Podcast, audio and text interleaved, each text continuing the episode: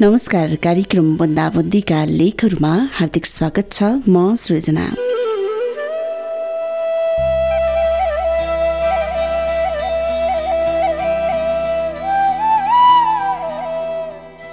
भोगाईहरूको सम्मिश्रण नै जिन्दगी हो रे चाहे ती भोगाईहरू सुखद हुन् वा दुःखद तर ती भोगाईहरू बिचमा पनि केही आशा त पक्कै बाँकी रहन्छ। त्यही आशाको त्यान्द्रोले डोहोऱ्याएको जिन्दगी र जिन्दगीका भोगाईहरू आजको कार्यक्रम बन्दाबन्दीका लेखहरूमा। आजको कार्यक्रम बन्दाबन्दीका लेखहरूमा अनुप कुमार चौरसियाले लेख्नु भएको सावधानी जरुरी छ शीर्षकको लकडाउन डायरी प्रस्तुत गर्दैछु।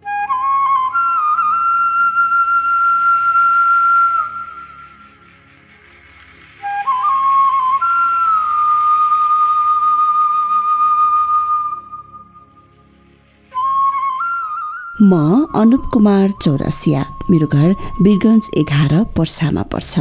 एक महिना अघिसम्म म इन्डियाको गुजरात अहमदाबाद सहरमा थिएँ। दुई वर्षदेखि त्यहाँ एलएम कलेज अफ फार्मेसीमा बिफार्म पढ्दै थिएँ। कलेजको होस्टेलमा बस्छु हुन त हामी बोर्डरमा बस्नेहरूलाई भारत अस्ट्रेलिया अमेरिका जस्तो विदेश नलाग्न सक्छ तर पनि अरूको देश भनेको अरूकै देश हो। आफ्नै देशभित्र भए पनि काठमाडौँमा हुनेहरूले लकडाउन हुने हल्ला साथ आफ्नो घर फर्कन मर्यादे गरेका थिए। म अरूको देश त्यो पनि होस्टेलमा बस्ने मान्छे। त्यति मात्रै होइन मम्मीले हरेक दिन जसो आउन मिलेसम्म आउन खोज भन्दा चिन्ताले त कहिले घर पुगो जस्तै हुन्थ्यो।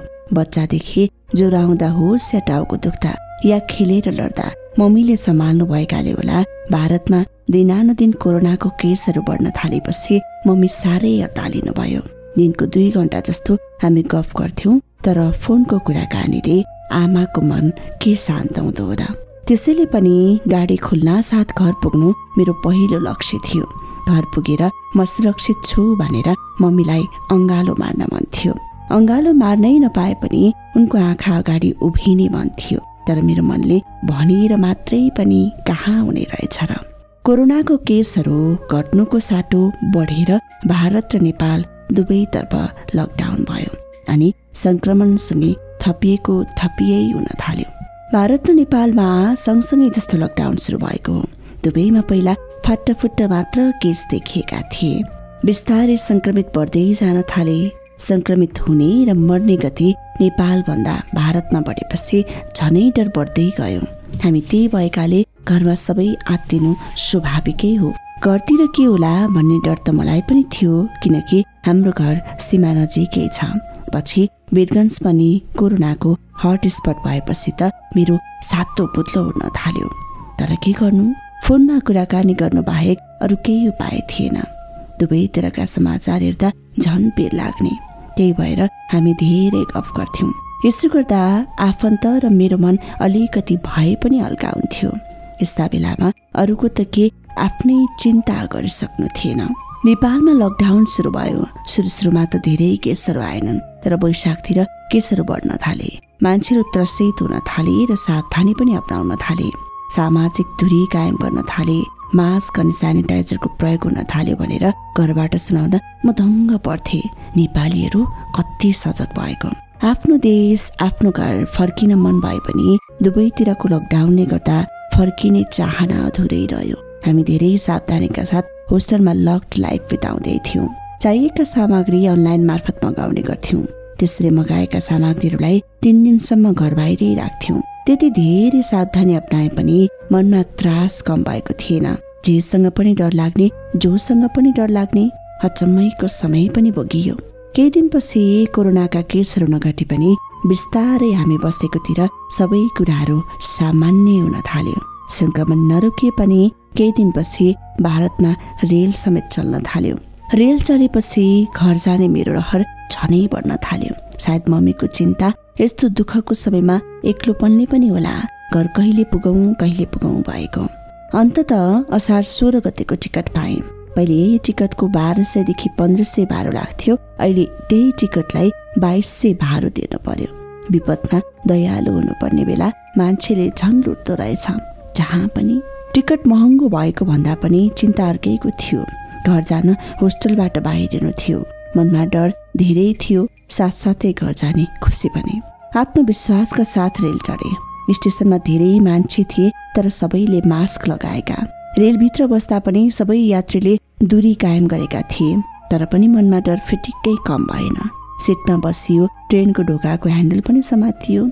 ट्रेनमा खाजा बेच्न मनाइ थियो त्यसैले खानेकुराको बहुत समस्या। केही बिस्कुटको सहारामा तिस घन्टाको ट्रेनको सफर काटे। त्यहाँबाट धेरै सावधानी साथ बिहारको रक्सोल आइपुगे। गुजरातको अहमदाबादका तुलनामा रक्सोलका मान्छे एकदमै लापरवाही थिए। धेरैले मास्क पनि लगाएका थिएनन्। जसो तसो जोगिँदै त्यहाँबाट निस्किए। सीमा पार गरेर नेपाल प्रवेश गरे धेरै डर लागेको थियो सीमाको समाचार सुन्दा। तर सुनिए जस्तो त्यति गाह्रो भएन। मलिक पछि आएकाले पनि होला। वीरगन्ज आएर पिसिआर टेस्ट गराए। डाक्टरले होम क्वारेन्टाइनमा बस्दा पनि हुन्छ भन्नुभयो। अहिले नियम पालन गरेर बसेको छु।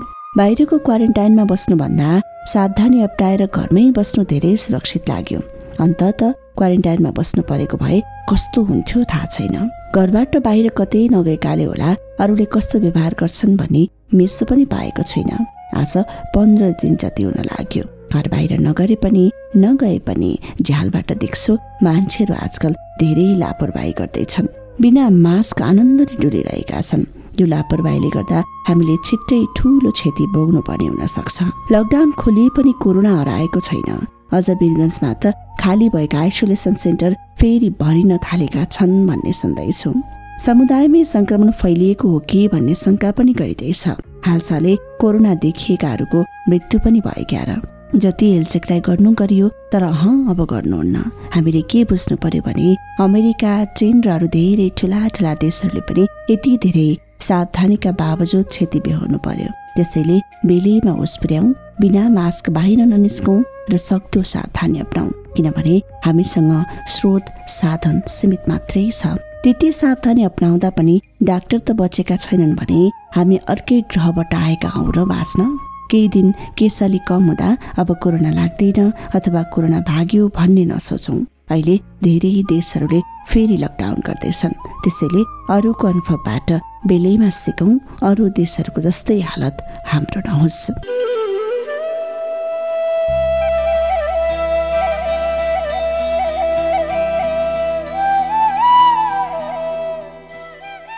कार्यक्रम बन्दाबन्दीका लेखहरूमा अनुप कुमार चौरसियाले लेख्नु भएको सावधानी जरुरी छ शीर्षकको लकडाउन डायरी आजको कार्यक्रममा प्रस्तुत गरे। आजलाई भने बन्दाबन्दीका लेखहरू यति नै। भोलि फेरि यही समयमा अर्को एउटा लेखको साथमा उपस्थित हुने नै छु। यतिन्जेलसम्म सुनेर साथ दिनुहुने तपाईँ सम्पूर्ण श्रोताहरूलाई विशेष धन्यवाद अनि प्राविधिक मित्र प्रहलादलाई विशेष आभार भन्दै बिदा हुन्छु। नमस्कार।